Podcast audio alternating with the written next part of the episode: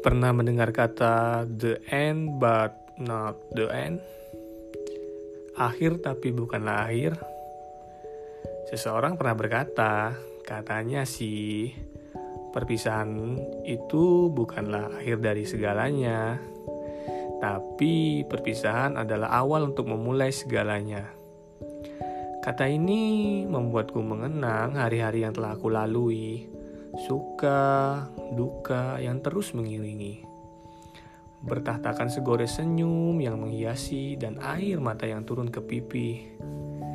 Terlalu banyak hal sudah dilewati, tapi terlalu banyak pula yang terlewati.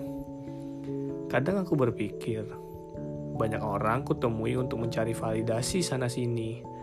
Banyak pula ekspektasi yang terkadang dipatahkan oleh realitas sendiri. Banyak pula kejutan bak pertunjukan seni datang menghampiri. Terkadang aku juga bingung, apakah ini hal yang patut untuk disyukuri atau hanya patut untuk disenangi.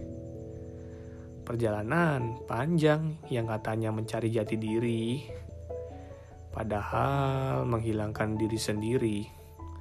Pikiran kalut yang seakan-akan membodohi diri Ya, tapi nyatanya malah memperbaiki diri. Kadang Tuhan memberikan kita penyesalan saat kita meninggalkan yang baik untuk yang terbaik. Kadang juga Tuhan memberikan kebahagiaan dari sebuah kesakitan. Tapi kini aku mulai untuk ikhlas dan bersyukur dari suatu kehilangan. Dan tersenyum dari suatu kesakitan. Karena aku yakin akhir dari hari ini ada awal untuk hari esok. Dan akhir dari hari esok adalah awal untuk keesokan harinya.